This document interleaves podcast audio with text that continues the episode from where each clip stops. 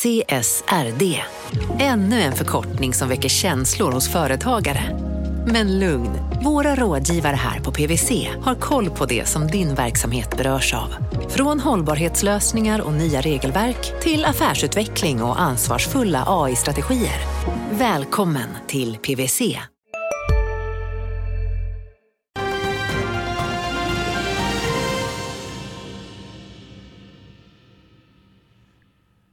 Tisdag. Vi har blandad utveckling i Asien efter en kraftig nedgång igår på Wall Street. Svar, svag öppning väntas också här den 6 december i kalendern och du tittar på Börsmorgon. Idag ska vi snacka om inte mindre än sex olika bolag. Vi ska prata om noteringsfloppar vi minns och så blir det galakänsla i Kvadrat. Vi ska till röda mattan och så är det ju faktiskt Finlands självständighetsdag idag. Det ska vi fira tillsammans med Stefan Olofsson på Sensor och Pontus Dackmo, Protean Funds. Någon finsk reflektion så här innan vi börjar? Ja, grattis får man väl säga. Ja, grattis tycker jag också. Ja. Eh, däremot var det inte så mycket grattis på Wall Street igår. Stark tjänste PMI ISM och det är ju jättedåligt för börsen, vet ju alla. Ja, vi har väl gått ifrån att dåliga nyheter var bra nyheter under en period till att nu bra nyheter är dåliga nyheter. Och de här perioderna är två, tre dagar, sen är sentimentet helt Ja, någon eftermiddag hit Ja. eller dit så ändras det med eftertryck. En reflektion kring börsoron igår. Nej, det är, det är ju som sagt lite förvirrande siffror så att eh, tolkningarna är olika dag för dag så att eh, nästa gång så blir det tvärtom. Man kan Men- spela upp det här programmet baklänges om man Mm. vill ha morgondagens version. Eh, hörru, Swedbank har en investerare idag, idag en presskonferens i eftermiddag bland annat. Några tankar där? Ja, de lovar väl att de ska få upp eh, avkastningen på eh, eget kapital till 15% 2025 och de ska nå det med kostnadsbesparingar. Eh, Men nu, de kommunicerar inget, inget explicit mål på kostnadsbesparingar, vilket jag tror kan vara kanske en liten sån här, hmm, smolk i glädjebägaren. Men ehm, vi tror ju att bank har fortsatt uppsida på intjäningsfronten framöver. Jag har eh, en reflektion, eller di- din reflektion tidigare har ju varit att bank tillsammans med energi har gått väldigt starkt Mm. eh, under hösten. Men de senaste veckan, två veckorna har, har den trenden vänt lite grann. Ja, sista veckorna, sista månaden till och med har ju mycket av det som har funkat hittills i år ställts på ända. Eh, Så frågan är väl om det är något nytt narrativ på väg in. Det är ju så börsen fungerar att när det blir ett konsensus kring något, ja då det, börjar det bli dags att kanske titta åt andra hållet. Vi har ju sett att amerikanska börs, eh, banker har gått väldigt dåligt sista dagarna. Och det är väl ett fenomen som möjligen skulle kunna smitta av sig även här i, eh, här i Skandinavien. Att eh, uppnår du inte förväntningarna då kommer investerarna att gå åt andra hållet. Men så, vem vet? Kanske en lågkonjunkturstrade. Har du någon bank eller någon finans i portföljen? Ja, vi har både SE-banken och Nordea och det har vi haft under ganska lång tid och det har ju gynnats väldigt väl av att räntorna har stigit och då går ju räntenettot upp för bankerna och det har ju varit väldigt starkt. Banker generellt sett har ju gynnats väldigt mycket av hur, hur läget ser ut. Jag tycker de har fördelar på alla divisioner de har. Nordea är väl vårt första val i dagsläget. Vi tror att de har släpat lite på utvecklingen eh, vinstmässigt på grund av att är, eh, ECB inte har lyckats eller inte höjt räntan än i samma utsträckning som svenska Riksbanken till exempel. Som ligger lite efter de andra svenska bankerna där på räntenettot. Har haft lite räntesäkringar också som inte har eh, fallit ut än som också kommer gynnas av framdeles tror jag. Så vi gillar nog fortsatt banka eh, fortsättningsvis ett tag till. där Det är vi överens va? För du gillar, gillar sektorn ändå? Ja, vi, vi är eh, inte underviktade banker.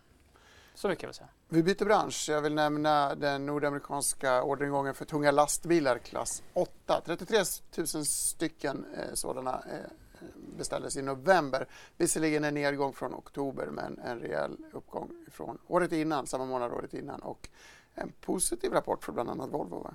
Ja, vi har ju Volvo och eh, det visar väl fortsatt styrka i, i konjunkturen. Eh, domedagen är inte här ännu utan eh, det maler på. Det är väl lite som jag har sett de här rapporten som varit i Q2 och Q3. Det är, det är fortsatt starka rapporter som bolagen redovisar medan eh, i media beskrivs det som att eh, det kommer bli tungt eller är väldigt tungt. Men vi har fortfarande inte sett det i siffrorna. Och det gäller ju verkstad generellt sett. Men farhågorna är ju att det klart blir sämre. Men den här siffran kanske inte indikerar det utan det kanske kommer då det där tycker Nästa jag är eller stämningsbilden för hela hösten. Att vi Mm. går och väntar på det här hemska som eh, inte kommer. Om man inte bor i Skutskär. Våra tittare där har nämligen upplevt en jordbävning, vilket vi i studion här mm. beklagar. Skutskär strax söder om Gävle, va? jag tror att det är lite av en hubb för svensk pappersindustri. Eh, men det verkar inte vara jag ska inte säga något, jag vet inte hur det var där. Eh, vi går till Norwegian istället där vi fått passagerarsiffror. De flög 1,4 miljoner passagerare i november, en halv miljon färre än i oktober enligt färsk data. Det här är samtidigt 37 procent bättre än samma månad i fjol. Kan få en liten positiv eh, effekt ändå. Ja, eh, man läser lite märkliga kommentarer här på morgonen så förefaller det vara en bra bit över eh, de förväntade siffrorna så estimaten ska väl upp en smula. Men eh, det är väl som den gamla sägningen att bästa sättet att bli miljonär det är att vara miljardär och investera i ett flygbolag. Mm. Eller, i start, eller i börsnoteringar, men det ska vi prata om längre fram här i programmet. Eh, vi ska nämna oljepriset också. Igår stod vi här och pratade om att oljepriset hade stigit så kraftigt efter nyheter om kinesisk återöppning. Nu tänkte jag stå här och prata om att det har sjunkit så kraftigt i, i, i den oroliga eh, handeln på New York-börsen igår. Eh, jag känner viss förvirring inför oljepriset. Har vi, är det en sämre signal än vad vi kanske är vana vid? Jag vet inte hur man ska tolka oljepriset. Det pågår ju alldeles för mycket eh, globala habrovinker kring tullar och price caps och det ena med det tredje och trade lanes som öppnar och stänger eh, och fraktrater som går hit eller dit och konjunkturer som rör sig på intradagsbasis. Så att, att tolka oljepriset åt något håll, eh, det lämnar jag över till eh, clownen Manne. Ja, man, kan, man, kan i alla fall vara klar med att eh, inflationsimpulserna från oljepriset blir ju negativa nästa år som det ser ut. Så att, eh, kan vi läsa? det kan ju vara en fördel. Kan det betyda ett allmänt lägre inflationstryck och en allmänt mer börsoptimistisk Stefan? Ja, alltså vi, vi, tror ju det att i alla fall att räntorna kommer fortsätta upp eh, både i USA och i Europa och ECB alltså och i Sverige. Men takten är, ökningstakten har ju taktat ner väldigt mycket så att det är ju inte så där jättemycket kvar tror jag att man ska göra räntorna. Inflationen kommer nog rulla över och eh, kanske då sjunka ganska mycket, eh, speciellt under andra halvåret nästa år. Och det gör väl att eh, det här värdeaktier kontra tillväxtaktier synen på det ändras lite. Ja, vi har varit väldigt värdefokuserade under väldigt lång tid och egentligen inte haft några tillväxtorienterade papper överhuvudtaget. Och den synen kanske då är på väg att ändras och vi har väl sett det lite på marknaden sista veckan att tillväxtorienterade papper har kommit till ropet igen. Speciellt de där tillväxtorienterade papperna som tjänar mycket pengar och kanske har ganska mycket lägre värderingar. Inte de här förhoppningsbolagen utan de som tjänar helt enkelt mycket pengar. Vi ska återkomma till de här tillväxtorienterade papperna lite senare i programmet. Men jag vill prata om en annan typ av papper först, nämligen toalettpapper. Du har twittrat om det här, kraftiga prisuppgångar. Ja, vi har, håller ett öga på uh, vår kära vän Magnus Groth och hans Essity. Så vi följer pappers, toapapperstillverkningen noggrant.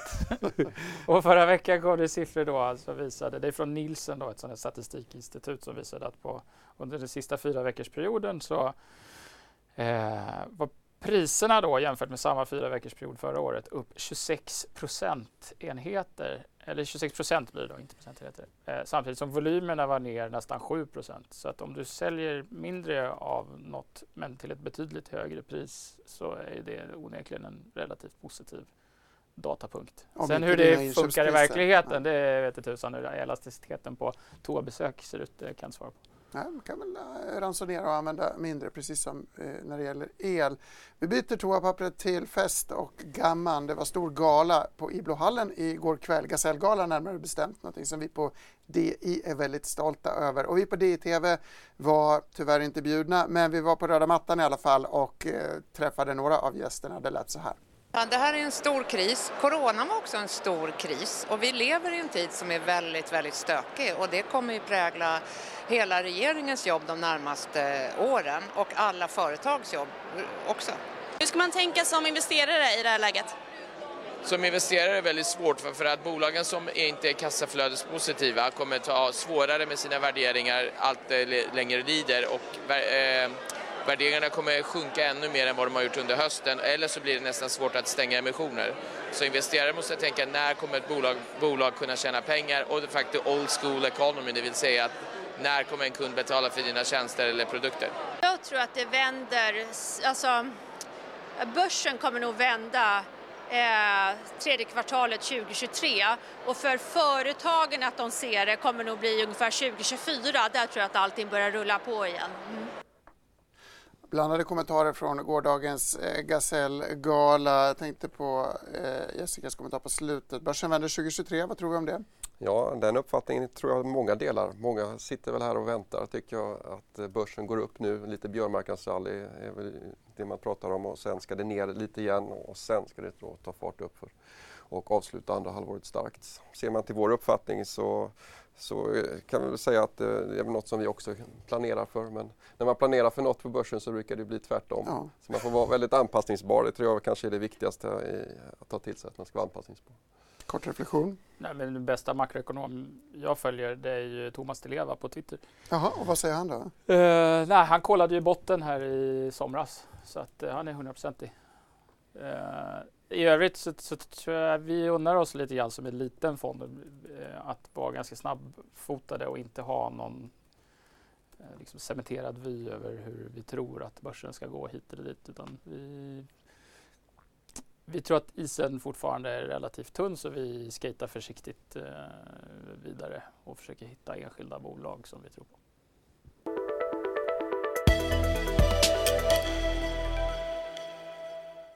Tre snabba nyhetspuckar. En är Christer Gardell och SKF, eller Kulan som vi säger här i studion där han vill, Christer vill att Kulan ska sälja sin verksamhet som är riktad mot flygindustrin. Den står för ungefär 5% av omsättningen. Däremot finns den inte på agendan inför torsdagens kapitalmarknadsdag. Amerikanska GameStop genomför ytterligare neddragningar. Det gör också Pepsi som säger upp eh, hundratalet anställda i sin amerikanska verksamhet. Kanske en indikation på att även den verkliga amerikanska ekonomin börjar Eh, märka av räntehöjningar och de här dåliga tiderna som vi står och pratar om hela tiden i sändningarna. Och så ska Swedish Match avnoteras. Det visste vi förstås, men eh, styrelsen har fattat det formella beslutet, även om vi fortfarande väntar på ett datum för den här. Jag tänkte att den punkten skulle reta upp din eh, ESG-ilska och beklaga. Jag tror att ni båda är Swedish Match-anhängare som beklagar det här från fallet från börsen. Ja, jo, vi har båda ägt. Vi är väl en av de få som har ägt i, i Swedish Match i våra fonder. Det är ju mycket ESG-skäl att många andra har valt att inte göra det. Vi hade ju lite en annan take på Swedish Match. Vi tyckte väl att det var rätt hållbart i och med att de fick folk att börja snusa istället för att röka, vilket är onekligen mycket bättre. Och sen var det ett fantastiskt bolag i sig. Eh, titta på bolagets utveckling sedan 96, eh, återköpen av alla aktier och mycket värde de gett både till aktieägarna och till viss del då till samhället genom att få folk då att snusa istället för att röka. Så att det är synd att Sverige sålt bolaget även om priset fick upp det var denna tack vare här att priset kom upp i, med ett högre bud så får man väl tycka att det såldes kanske lite billigt fortfarande tycker jag. Ja, det, det fanns ju en, många år av tillväxt kvar i Swedish Match. Det är väldigt synd att vi inte fick betalt eh, för det. Jag vet inte om du lyckas ragebeta mig på ESG just idag faktiskt. Ja, men jag, jag, har inte, jag har inte slutat försöka än. Okay. Eh, Stefan var inne på att ingen fick äga den här eh, liksom underälskade strukturellt underälskade tillgången på grund av ESG-krav. Du har twittrat mycket om det och tycker att ESG är ett par problematiska glasögon att ta på sig. Ja, men jag, jag tycker att eh, det, det, blir ju inte eh, att investera med sunt förnuft utan det blir att investera dogmatiskt efter något, någon policy som någon har tagit fram och du baserar det på datapunkter som några tjänstemän har, har, tagit fram och bolag får en rapporteringsplikt som är väldigt betungande men det är ytterst oklart om det har någon som helst faktisk betydelse. Det var till exempel den här Sasha Beslik som jag jobbar tillsammans med när jag jobbar på Nordea Fonder är ju nu liksom något av en ESG-guru. Skrev ett väldigt intressant månadsbrev här i helgen. Det finns eh, på Twitter bland annat. Eh, där han då säger att nu måste vi sluta med den här charaden att vi ska rapportera alla de här ESG-datapunkterna för att det, det tjänar ingenting till. Det är bara ett sätt att göra marknadsföring. Eh, och du, du, får en varm och skön känsla i magen för du tror att du gör något gott för världen när du investerar i hållbara fonder men det har ingen faktisk betydelse för de problem som vi står inför. Utan, eh, och där lägger väl jag till att det är ju, eh, ESG som investeringsfenomen är en reaktion på eh, politikens misslyckande på det här området. Det är ett uttryck för att människor känner frustration, att det händer inte tillräckligt mycket och då gör man det man kan jag skulle vilja eh, argumentera emot och säga att man är i en tidig fas där man liksom beter sig lite eh, slumpmässigt och testar grejer men att vi kommer att mogna in i det och bli bättre. Men Stefan, jag vill höra dina tankar på den här diskussionen. Ja, men det är klart att eh, hållbarhet har sina fördelar och det är bra att det diskuteras. Och vissa saker är ju väldigt bra som, som man har tagit beslut om för en bättre värld och bättre miljö och bättre governance etc. Det enda är väl just ur konsumentsynpunkt så tror jag att det är väldigt svårt att ta till sig all, allt material och all information som man pumpar ut och det är väldigt betungande för bolagen. Men jag tror också att det är en tidig fas och att eh, det kommer bli bättre styrning på det. Men som sagt, det är en tung belastning för branschen. Det är det kanske utifrån nyttan för konsumenterna. Det är väldigt svåra lösta. Vi ska, det är nya regler som trädde i kraft årsskiftet, bland annat en ny KID till exempel som ska presenteras som mark marknadsföringsmaterial mot kunderna. Jag tror att väldigt många kunder kommer väldigt svårt att eh, ta till sig informationen. Så det kanske behöver göras lite lättare. Mm, ingen riktig rage, men, men ändå intressanta synpunkter och, och det får duga. Klockan har slagit nio, det är dags för börsöppning.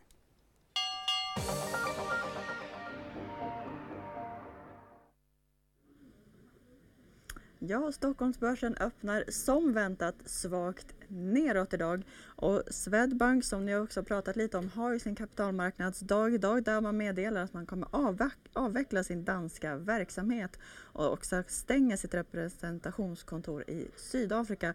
Swedbank har även fått en höjd riktkurs av JP Morgan till 210 kronor från 195 och Swedbank är just nu lite runt nollan. Och kul till, kullagertillverkaren SKF de stiger nästan 2% om man utreder en försäljning av sin flygverksamhet där bolagets storägare Sevian uppges vara drivande i frågan. Orderingången på tunga lastbilar på den nordamerikanska marknaden som ju är viktig för Volvo visar i november på en fortsatt stark marknad trots nedgång jämfört med oktober och Volvo är runt nollan även där. Och teknikbolaget SmartEye, där har vi inte en avslutning riktigt ännu men efter att de har eh, beslutat att ta in 325 miljoner kronor i nyemission som ska räcka för att bolaget ska bli kassaflödespositivt. Bolaget ska också kapa kostnader och då minska personalkostnaderna med 10 procent vilket ungefär betyder 30 miljoner kronor. Och ventilationsbolaget Lindabs finanschef lämnar sin post och stannar kvar tills en efterträdare tillträtt eller som längst till maj 2023. Så till Truecaller som vi har rapporterat mycket kring och deras indiska verksamhet. Aktien följer för några veckor sedan på nyheten om en eventuell statlig aktie som skulle kunna komma att utmana. Men nu meddelar bolaget att man släppt en funktion för indiska myndigheter i sin app. Eh, och Truecaller tappar nästan 4% på den nyheten. Och idag så kom norska Norwegian med passagerarsiffror som visade att man flög 1,4 miljoner passagerare i november, vilket var 500 000 färre än i oktober. Men samtidigt så var det ändå en 37 bättre jämfört med samma månad förra året och Norwegian är eh, svagt upp på det. Textilåtervinningsbolaget Renewcell de stiger runt 3% efter att man har tecknat ett femårigt leveransavtal med österrikiska Lensing Group som beskrivs som ledande leverantör av hållbart producerade specialfibrer. Avtalet omfattar leverans uppemot 100 000 ton av Renewcells återvunna massa Circulose. Och bland dagens rekar så sänker Handelsbanken rekommendationen för Knowit till behåll från köp och höjer den för Sweco på kort sikt men sänker för Teknikkonsulten på lång sikt från Market Perform till Underperform. Men eh, bland storbolagen så ligger just nu SKF just efter den nyheten i topp och i botten så ligger just nu Sinch. Och Brentoljan som ju har rasat eh, nu har vi ändå återhämtat sig lite grann och handlas just nu strax över 83 dollar fatet. Men Stockholmsbörsen öppnar som sagt svagt neråt. Svagt ner, svagt upp. Svagt ner eller svagt upp, svårt att säga. Vi balanserar på nollan i alla fall. Eh, Truecaller är väl eh, dagens förvirrare. Man gick ut med en nyhet som jag inte riktigt förstod med någon slags produktlansering i Indien. Handlades upp igår och ner idag. Är den så här volatil? Är det här liksom en vanlig dag för Truecaller? Ja, det är en vanlig dag för Truecaller. Den svänger väldigt kraftigt. kraftigt. Och det är väl det som gör att det är lite jobbigt att äga sina aktier. eh, vi har ju inte haft tillväxtorienterat papper på länge men vi har ju bland annat investerat i Truecaller väldigt nyligen här. Vi köpte en liten post för ett tag sedan och, nu, och förra veckan då så dubblar vi väl den posten. Så att eh, vi är intresserade av sådana bolag i dagsläget och det beror ju lite då på att vi tror att räntan ska ner eller i alla fall inte upp lika mycket och inflationen rullar över och då blir ju tillväxtorienterade papper intressanta igen. Och rätt billigt, den är ner 65 procent stod det på året så att det låter som en... Ja, den har gått ner, gått ner jättemycket. Ja. Och eh, det är ju flera olika problem som de har haft, omskrivna Eh, problem. Men eh, omsättningen växer väldigt kraftigt. Den har varit upp över 100% i år och vi tror att den ska växa omsättningen 40% i snitt per, till 25 med oförändrade ebitda-marginaler också runt 40% så du får väl en vinsttillväxt däromkring fram till 2025. P-talet för eh, 2023 det ligger väl runt 18 om man tror på analytikerna och ända ner mot 13 om man tror på eh, 2024 då. Det är ju väldigt attraktivt med tanke på den tillväxten. Sen är det väl så när man är verksam i Indien till att börja med att eh, folk, eh, det är långt bort. Det är en enskild marknad, den kanske inte är så genomlyst tycker vi svenska investerare och det gör att man skräms lite och därför värderingen har gått ner ganska mycket och den har ju, sen är det ju, har de ju risker i sig. Då. De har ju till exempel 96% av användarna är från Android och skulle då i Alphabet göra en, en om, ja, gör om sina parametrar så skulle det få väldigt stor genomslagskraft så det är en risk. Sen ska ju till exempel Indien lansera en egen produkt som härmar dem till viss del. Det vill säga att eh, mm. eh, visa vilken, vem det är som ringer. Men Truecaller har ju så mycket mer produkter än att bara visa ett nummer som ringer. Så att, eh, det tror jag inte kommer att vara ett stort problem för dem. För dem har väldigt mycket mer kringtjänster runt det. Vi pratar mycket mer om Indien nu tycker jag. Indien är det nya Kina. Nu är Kina mm. ute, Indien inne. Du har kollat lite på Truecaller genom tiden? Ja, vi, vi, vi, startade ju våran fond i maj och eh, Truecaller är en topp fem bidragsgivare till fonden sedan dess. Men vi har ju varit vi har dragit lite nytta av den här volatiliteten i aktien och både varit långa och korta aktien. Eh, men Truecaller är intressant för att det finns liksom ett informationsvakuum där eh, som till exempel just det att Indien är en marknad som är så långt bort att det är lite svårt. Hur ska vi mm. sitta här och ha en edge på vad den indiska regulatorn hittar på för någonting? Det är jättesvårt. Och så har du då den här skogstokiga eh, shortsäljaren på Viceroy som är ute och vevar eh, hejdlöst i den där med jämna mellanrum.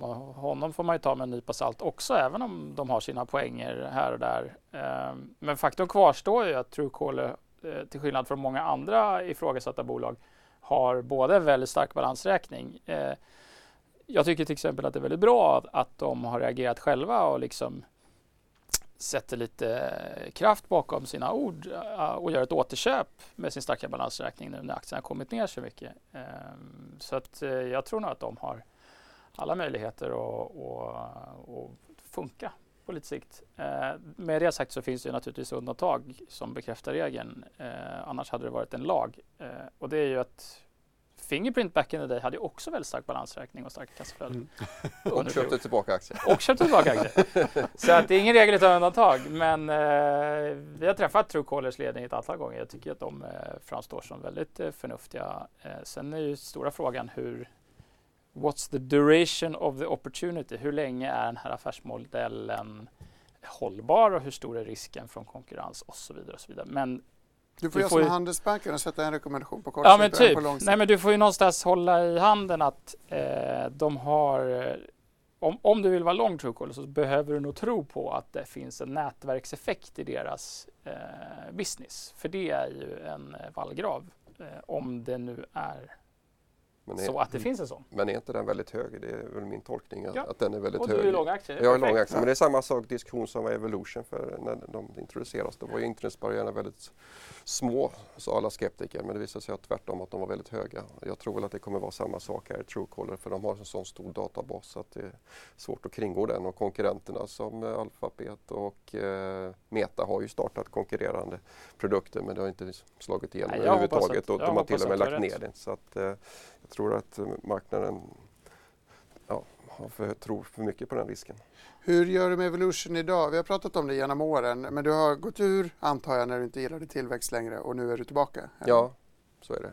det är, vi har ju köpt en bukett av tillväxtorienterade papper här och där är Truecaller och Evo eh, och Hexatronic är. Och Evo är ju den stabila stora pjäsen man, om man ser det så. Men värderingen har kommit ner väldigt kraftigt i Evolution.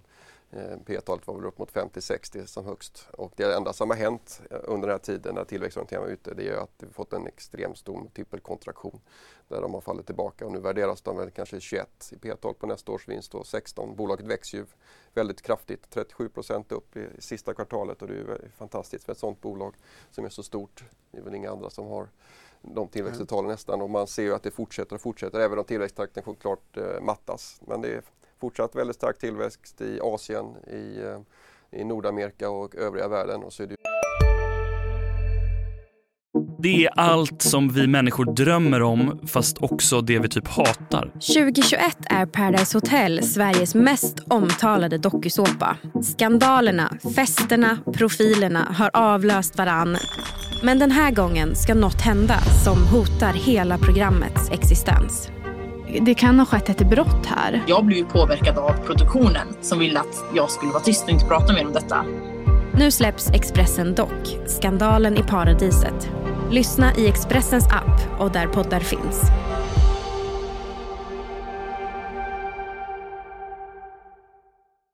CSRD, ännu en förkortning som väcker känslor hos företagare. Men lugn, våra rådgivare här på PWC har koll på det som din verksamhet berörs av. Från hållbarhetslösningar och nya regelverk till affärsutveckling och ansvarsfulla AI-strategier. Välkommen till PWC. Lite måttligare då i UK, Sverige och eh, i övriga Europa. Men det växer ju fortfarande. Övriga Europa som är näst största marknaden nu när Asien gått om växer väl fortfarande med 7% och förväntas göra det framledes. Här, så att, eh, det ser stabilt ut. Bolaget delar ut mer och mer pengar också, eh, en riktig utdelningshöjare. Så, och eh, där är ju väldigt stora. Problemet är slots. Det går ju rätt dåligt. Det, det här förköpet av Net Entertainment känns väl sådär i backspegeln. Men, eh, och sen har de ju delat ytterligare köp. Där vill man kanske se ökad tillväxt. Men eh, det står ju kanske bara för 18 procent av, av bolaget i dagsläget. Så att, eh, det blir ju mindre och mindre. Så att jag tror att det ska gå. Men det är inte som gamla Evo. Den potentialen finns ju inte. Samma, den värsta tillväxt, bästa tillväxtresan är, den är bakom oss. Ja, den är Vill du flika in något här?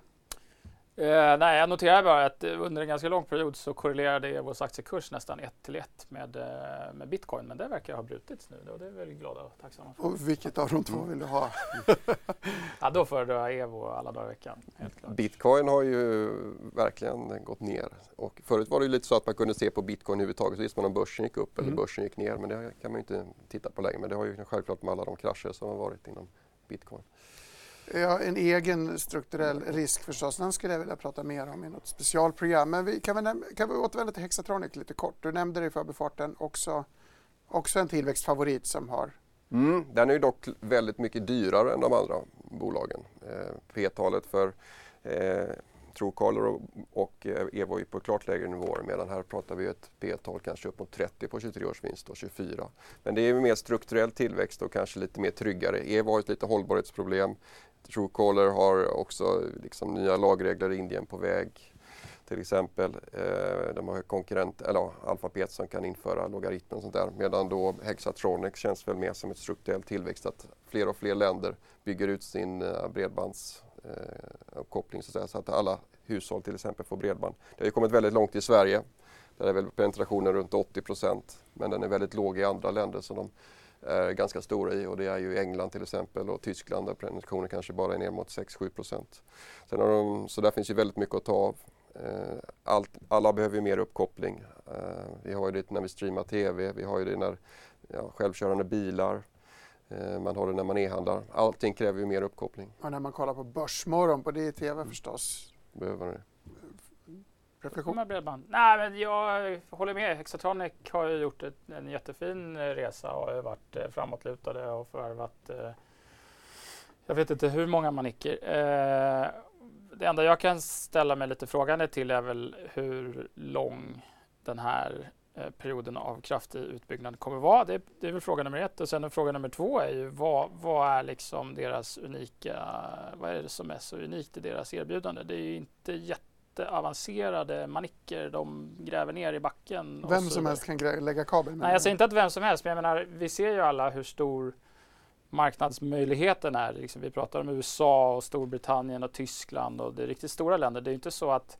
eh, konkurrenterna sitter och tittar på när Hexatronic käkar deras frukost utan det kommer ju bli en ökad konkurrens eh, framöver, potentiellt kraftigt ökad konkurrens. Och då är jag lite orolig för att de här typen av multiplar då, som prisar in väldigt mycket av tillväxt en bra bit fram i tiden kanske eh, du får se den här klassiska multipelkontraktionen när bolag ska leverera på högt ställda förväntningar. Men eh, det kanske ligger flera år fram i tiden, vad vet jag? Vi har ingen position i Hexatronic just nu. Det är en intressant reflektion. Ja absolut. De har ju byggt ut eh, kapaciteten väldigt mycket i USA nu bland annat och gjort nya köp och vi förväntar oss nya köp på andra marknader vilket då kommer boosta tillväxten tror vi. Men jag håller med där, det är ju lite därför jag sa att värderingen är mm. klart högre på Hexatronic och eh, det kan ju bli multipelkontraktion för det har vi ju sett både på Truecaller och Evo under det här året och förra året på Evo också. Så det är en risk man får ta i beaktande. Det är också sådär när man tittar på bolag som, har, som är väldigt framgångsrika i någon slags kärnverksamhet där det finns ett frågetecken kring hur lång tillväxtmöjligheten är.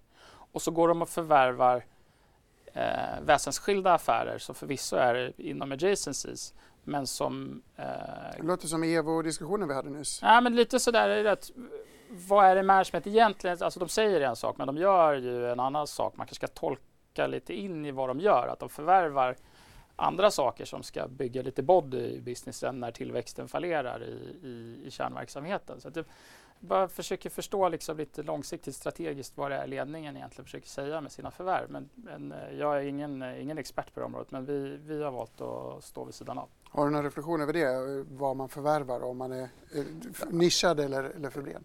Ja, de, de köper ju ändå i den verksamheten de är verksamma i Hexatronic så det, så det tror jag kommer vara bra köp. Och tittar om man drar parallellen till Evo där så tror jag ju mycket det här med till, eh, köpet av Net Entertainment och även de andra de har delat inom slots. Det är ju för att, kanske inte just för att det var eh, mest högst tillväxt där utan det var ju för att stärka kunderbjudandet så de kunde gå ut till operatörerna och säga att vi är en fullsortimentsbutik. Mm. Det vill säga vi har både slots och eh, live casino. På så sätt kunde man få en större affär mot den här kunden. Så det tror jag var tänket bakom i alla fall Evolutions förvärv. Vi på DTV har ju breddat vår repertoar i alla fall. Eh, men det har varit en framgång. Eh, särskilt vår, jag tänker på vår julkuleserie som började den 1 december och som fortsätter idag med hjälp av Annika Winst på Nordea. Varsågoda.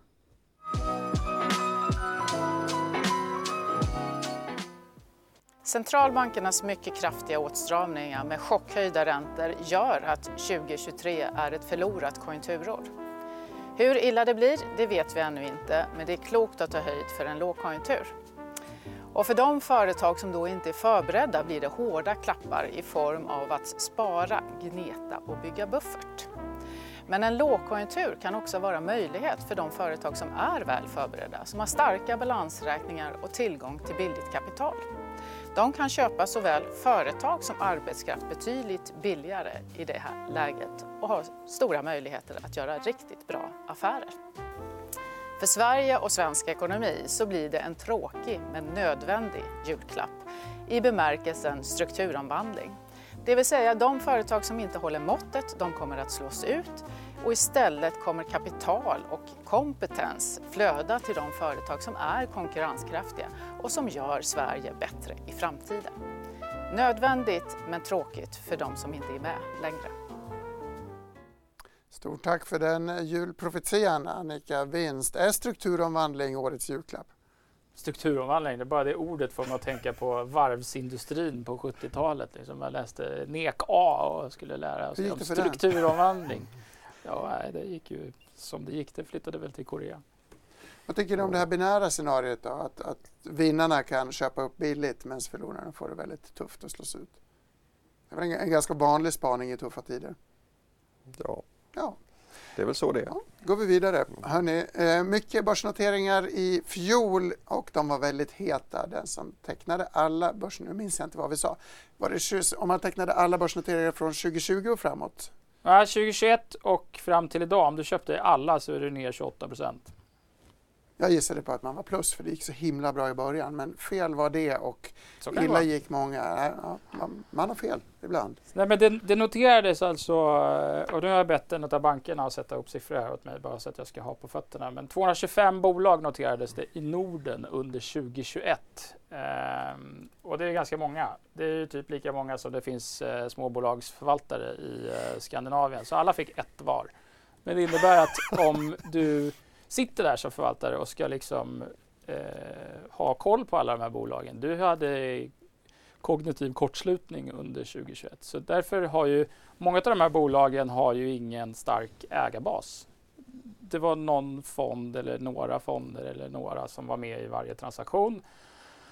Och samtidigt så var vi barn av vår tid 2021. Allting var med rosa glasögon på och räntorna skulle vara låga för alltid. Eh, Det är ju faktiskt bara ett år sedan vi stod här och tyckte att allt var fantastiskt. Men det här bäddar ju för årets, för årets julklapp, strukturomvandling. Exakt, det gör det ju. Eh, och sen var det ju då, om vissa förstår sig på det, hävdar ju nu då med, i backspegeln att mycket av det som noterades var skräp och giriga PE-bolag och det ena med det tredje.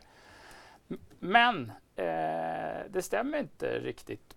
Flera av de här bolagen, som, flera av de här 225 bolagen som noterades första året eh, noterades helt enkelt på för höga värderingar. Mm.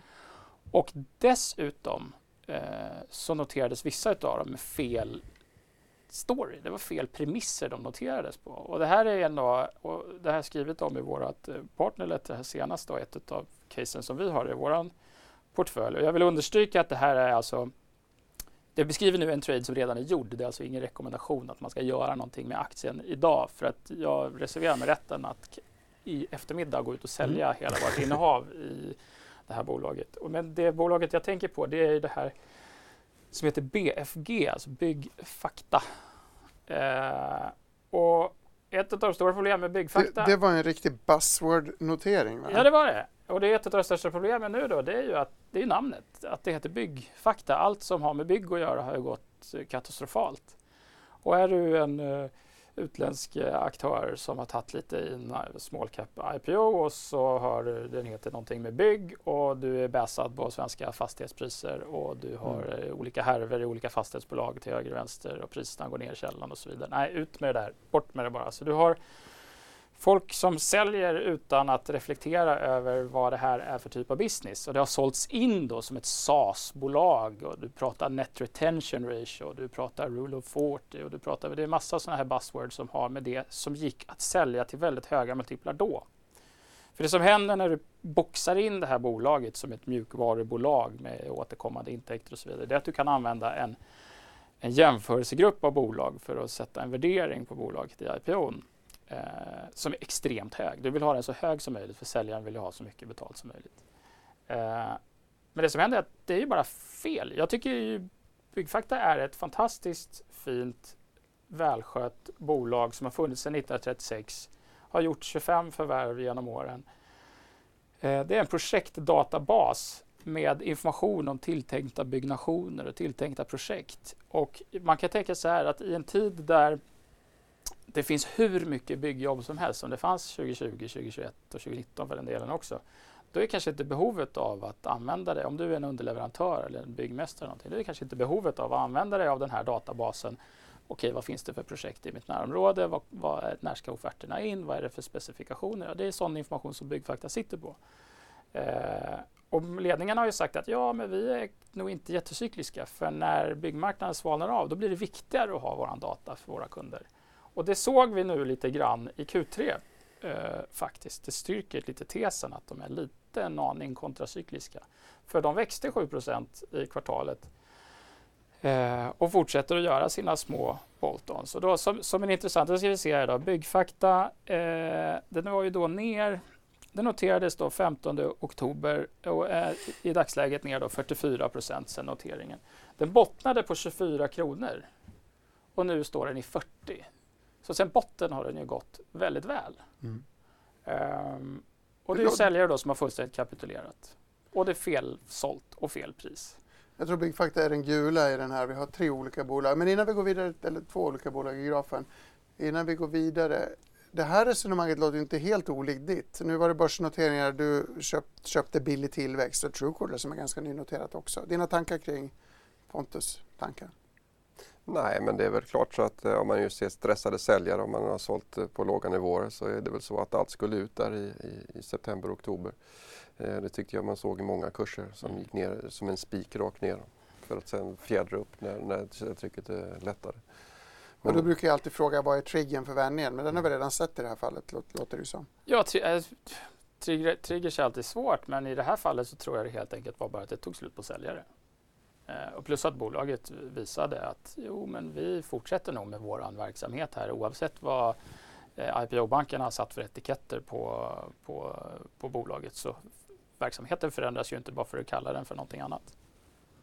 I den andra, när vi tittar på den här grafen så hade vi Revolution Race också. Det är ju Dels så var det väldigt håsat med, med näthandel när den sattes på börsen men där har vi också andra problem. Jag tänker på vd-avhoppet och att mm. den här aktien har varit ganska Även när det gick bra så hade börsen lite svårt för den. Ja, det var ju lite en oortodox, eh, ett oortodoxt avhopp kan vi väl kalla det. Mm. Eh, att eh, säga upp sig på dagen som grundare och, och VD samtidigt som det sammanfaller med en kvartalsrapport som var sämre än marknadens eh, förväntningar. Eh, samtidigt som man är kvar som någon slags överrock inom bolaget om jag får lägga sten på bördan. Här. Dessutom. Eh, nej, det var absolut inte optimala förhållanden men det är ofta så att för att en aktie ska haverera fullständigt måste ju någonting dåligt ha hänt och här händer det flera dåliga saker samtidigt.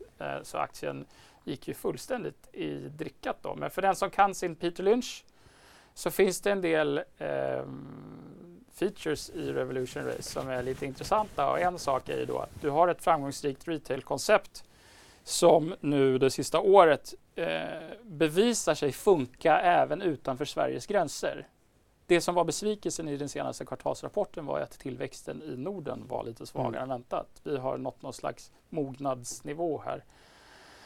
Men de växte ju fortsatt väldigt starkt i eh, Dach-regionen, alltså Tyskland, Österrike, Schweiz. Um, och de har en stark tillväxt förvisso från en väldigt låg bas eh, även i USA. Och det som är fint med Revolution Race, om man vågar tro att den här modellen eh, har eh, en framtid, är att de har strukturellt högre marginaler och tjänar bättre pengar än i princip alla andra klädretailbolag Och det beror ju på att de gör sin marknadsföring direkt till konsument. De har inga mellanhänder så de ger inte bort några pengar till en distributör. Eh, de har inga fysiska butiker överhuvudtaget så hela den kostnadsposten som till exempel ett H&M står med eh, den existerar inte i deras eh, profit and loss. Vi kommer tillbaka till Truecaller här, för jag tycker att det finns en liknande risk. Du beskrev beroendet av Alphabet. Jag uppfattar som att Revolution Race har varit väldigt beroende av Instagram när man har marknadsför sig och jag tror att förändringen av Instagrams algoritmer, när man, jag kanske har sagt det förut, äh, algoritmerna gjordes om, det skulle bli mer likt TikTok och då föll lite av den modell som bolaget har förlitat sig på. Man är ju å andra sidan bra på att hitta nya vägar. Men jag tror ja. att det finns en strukturell vi har diskuterat det där med eh, den nya vdn då, Paul Fischbein och han lyfter ju fram att de har då, i, i, hans uppfattning så var det dags att skruva tillbaks till mer traditionell eh, online marknadsföring, sökordsoptimering och så vidare. Så det har de redan gjort eh, under eh, det tredje kvartalet då, som, som redan har rapporterats och som var mindre katastrof än kvartalet innan mm. om man säger så. Sen är det ju så att någonting som har gått ner så pass mycket som, som Revolution Race, eh, nu säger jag inte att startpunkten på något sätt var rätt, eh, men det finns ju en, det finns ganska, det är ganska låga förväntningar och det är ganska låg värdering. Så att det, det är lite ursäktat. Den här osäkerheten är liksom reflekterad i priset någonstans. Eh, det, det, roliga är ju att um, den har väl dubblats från botten ungefär och det finns väl ungefär en dubbling till kvar bara till IPO-kursen. Uh, nu vill jag inte ankra er någonstans. Och jag vill absolut inte säga att man ska köpa Revolution Race. Den ska upp 100 procent alltså? Ja, precis. Det är en dubblare. Det ska vi skriva. får inte säga så ens ironiskt. Men mo moderisken är ganska låg i, i bolaget? Eller? Ja, de har ju 80 procent av eh, sortimentet är ju så kallad running assortment, det vill säga mm. icke säsongsberoende. Eh, och det är ju då en sån där sak som om man vill ha så här, glaset halvtomt tolkning kan man säga, jo men de har höga lager. Jo, halvfulltolkningen av det är att de har eh, en stor eh, tillgång där. För det, det, där lagret är betalt och har relativt låg moderisk. Och de, har, de är inte skuldsatta i bolaget. Någon annan reflektion från dig apropå? Nej men det är ju naturligtvis konsumenterna kommer ju ha lite mindre pengar här under nästa år med tanke på stigande boräntor och stigande mm. kostnader så att eh, det är väl en bransch som man rent förnuftmässigt tycker kan ha det ganska tungt den närmsta tiden nästa år. Och sen vet jag inte hur värderingarna är. Det är ju väldigt olika värderingar inom den här konsumentsektorn. Vissa bolag har ju höga P-tal och andra har låga P-tal. Ibland är man inte riktigt klar på varför, varför det är på det ena eller andra sättet i värderingarna det är en intressant sektor för det är ju många andra. Om man nu, det är ju ett bolag men det finns ju Mips som har gått ner mycket mm. eh, som jag gillade tidigare eller fortfarande intressant som jag inte äger.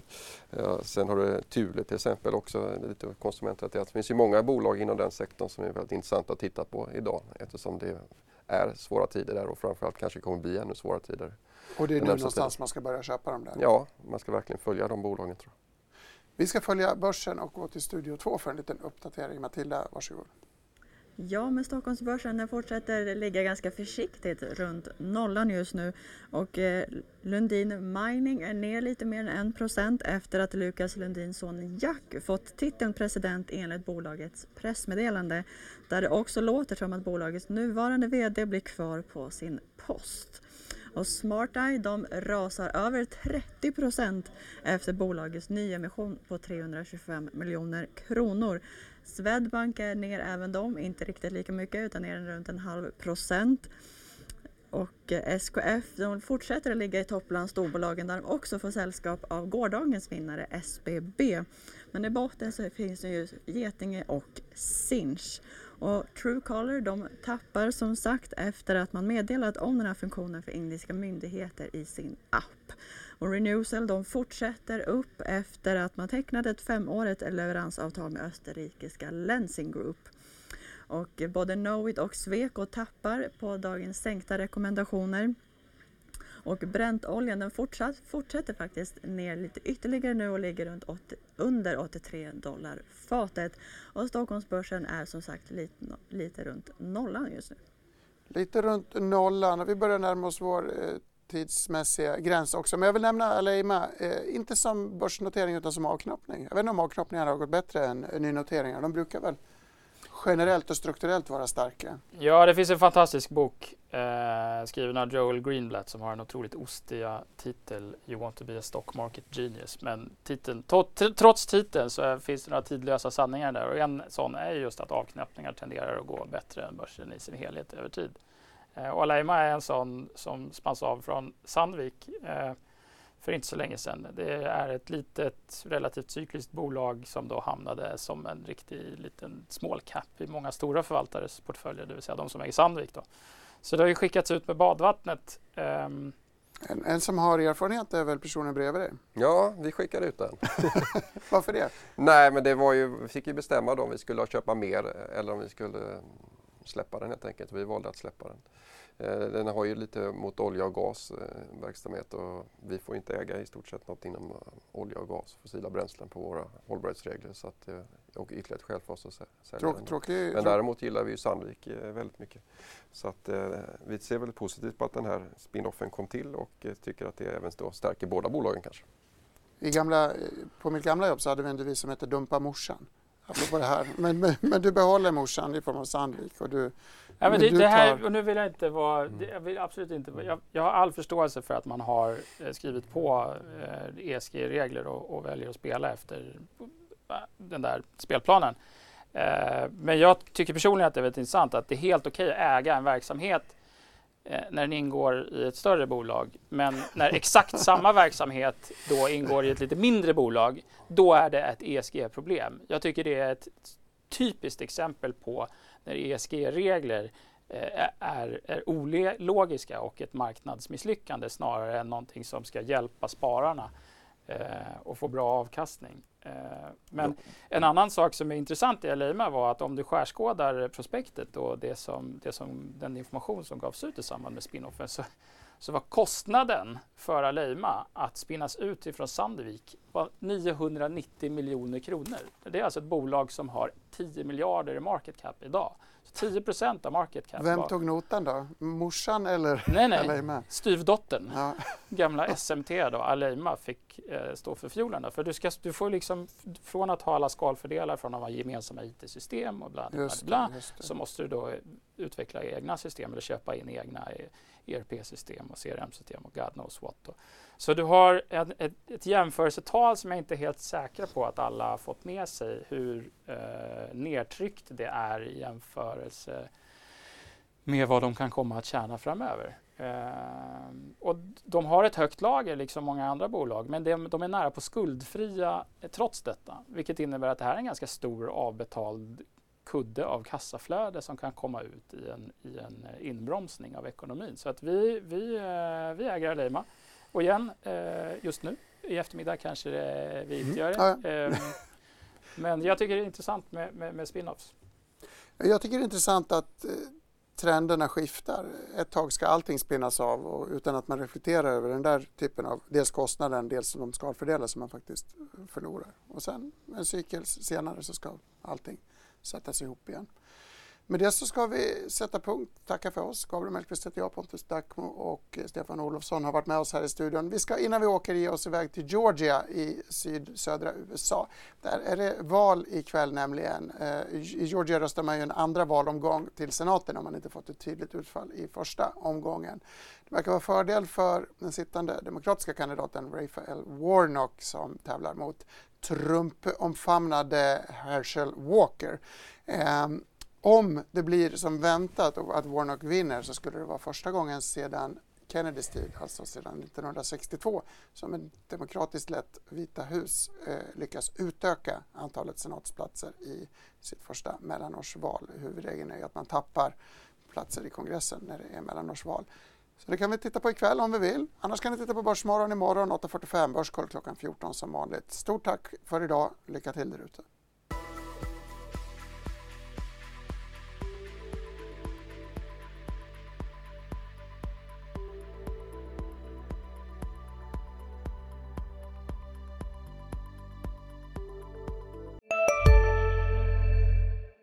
CSRD. Ännu en förkortning som väcker känslor hos företagare.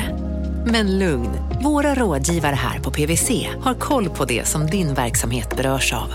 Från hållbarhetslösningar och nya regelverk till affärsutveckling och ansvarsfulla AI-strategier. Välkommen till PWC. Dagens vinnarprognos från Postkodlotteriet. Postnummer 65209, klart till halvklart och chans till vinst. 41101, avtagande dimma med vinstmöjlighet i sikte. Övriga 10 500 postnummer soligt och möjlighet att vinna. Oavsett när sommaren kommer till dig så kan du och dina grannar få dela på 48 miljoner i sommaryran. Ta chansen nu i maj på Postkodlotteriet.se. Åldersgräns 18 år. Kontakta stödlinjen om du eller någon anhörig spelar för mycket.